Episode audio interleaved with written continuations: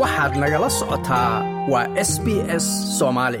kenya ayaa hogaaminaysa ciidanka bariga afrika ee beddelaya ciidanka nabad ilaalinta qaramada midoobey u jooga dalka democratic republic of congo oo d r c loo soo gaabiyo. Tobannaan sano oo colaad dhiig badani uu ku daatay ayaan u muuqan in wax iska beddeleen.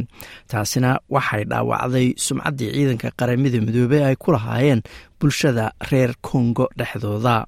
ciidanka bariga afrika ayaa askartooda laga kala keenayaa afar dal waxayna wajahayaan kooxa badan oo hubaysan gaar ahaan kooxda m oo naxariis darro caan gobolka uga noqotay maadaama ay laayeen dad badan oo rayida. Maanta ma aha wax fiican inaad koofiyadda buluga ah ku xirato kivu.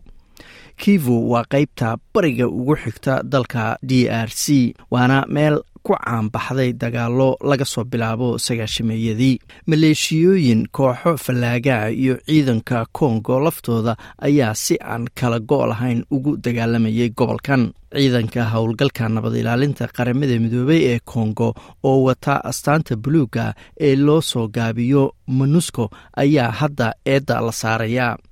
dibadbaxayaal ayaa xataa weeraray gawaarida qaramada midoobey qaarkoodna gubay. Mid ka mida dibadbaxayaasha waa fredi wakulungo waxaana uu sharaxayaa sababta ay ugu dibadbaxayaan ciidanka ilaalada ee qaramada midoobey waxaan ka codsanaynaa madaxweyne sisikeydi inuu naga caawiyo sidaan ciidanka qaramada midoobey uga qaadi lahayn halkan. Haddii dowladdu aysan la dagaali karin fallaagadaas nasiya hubka annaga ayaa la dagaalamayne ayuu yidhi. Carada dadka ayaa ku wajahan ciidanka monusco sababtoo ah waxay ku sugnaayeen halkaasi laga soo bilaabo sagaalkii xaaladuna kama aysan soorayn urur la yidhaahdo kivu security tracker oo kormeera lana socda dagaalada ka dhaca gobolka ayaa soo wariyey laba sano ka hor in kooxo gaaraya boqol iyo labaatan oo hubaysan ay gobolka ka jiraan kuwaas oo ka dagaalama. Filipo grandi waa madaxa hay'adda qaxootiga qaramada midoobey u qaabilsan ee u n h c r ta loo soo gaabiyo waxa uu sheegay in xaaladda bini-aadanimo hadda ay gaartay heer masiibo ah. Sidaasna ay ahayd sannado badan.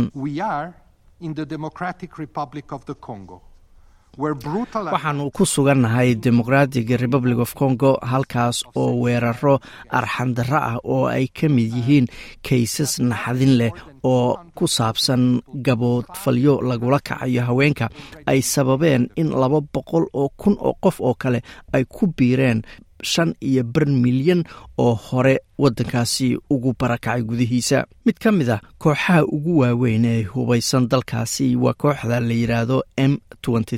waxay si xun ugu caanbaxeen dagaallo oo dhacay tobaneeyo sano ka hor laakiin ugu dambayntii waxay isdhiibeen labadii kun iyo saddex iyo tobankii balse waxay hubka dib u qaateen sannadkii la soo dhaafay. M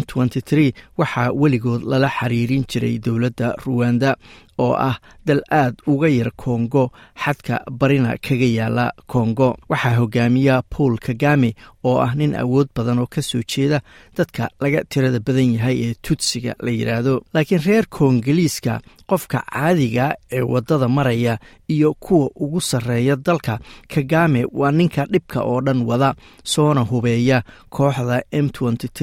oo tutsi ay hogaamiyaan si waddankooda waa konge loo burburiyo. Martin fayulo oo ka mida siyaasiyiinta mucaaradka d r c ayaa ka hadlaya arrintaasi. M ma aha koox fallaaga ah. Waa rag ruwaandiisa oo ruwanda uu ka soo diray madaxweyne kagami si uu xasilooni darro ugu abuuro kongo waa inaan joojinno inaannu nidhaahno kongo waxaa ka jira dhibaatooyin jinsiyadeed ama jinsiyado kala duwan oo ku dagaalamaya. Marka haddii ciidanka qaramada midoobey ay ka baxaan kongo yaa ka difaacaya kooxaha sida m oo kale ah. Kenya ayaa gacanta u taagatay inay hirmuud u noqoto dalalka bariga afrika oo ballan qaaday ciidan gobolka ka socda oo kenya ay hogaaminayso. Madaxweynaha kenya william ruuto ayaa sharaxaya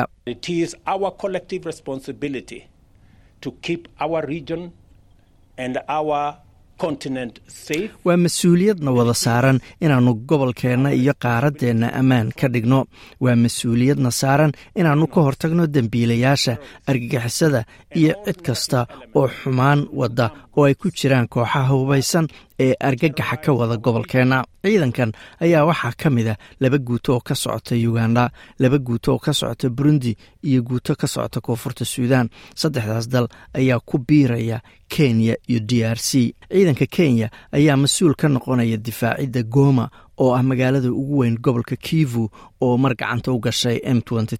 genaraal roporte kibuji waa taliyaha ciidanka xoogga kenya. Waxaana uu sheegay in qabsashada magaaladaas ay tahay waxa aysan doonayn inay weligood dambe arkaan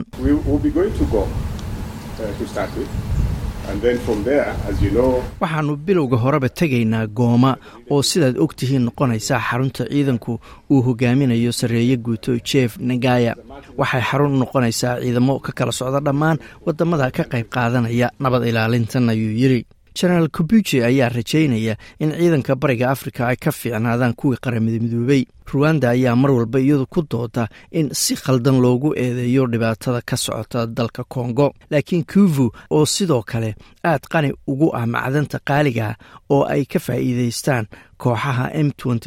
iyo kooxaha kale iyagoo xoog iyo dagaal isticmaalaya dil kufsi ayaa caado ka noqday kongo iyadoo dembiyadaas loo isticmaalo si shacabka loo cabsigeliyo loona dhaco gobolka. Sida kinsasha waa caasimada d r c ay leedahay taas oo faa'iido ay ugu jirta ayay dheheen ruwanda waana xaaladaas midda kenya iyo dalalka la socda hadda ay dhexda u gelayaan like aas la wadaag wax ka dheh lana soco barta facebooka ee sb s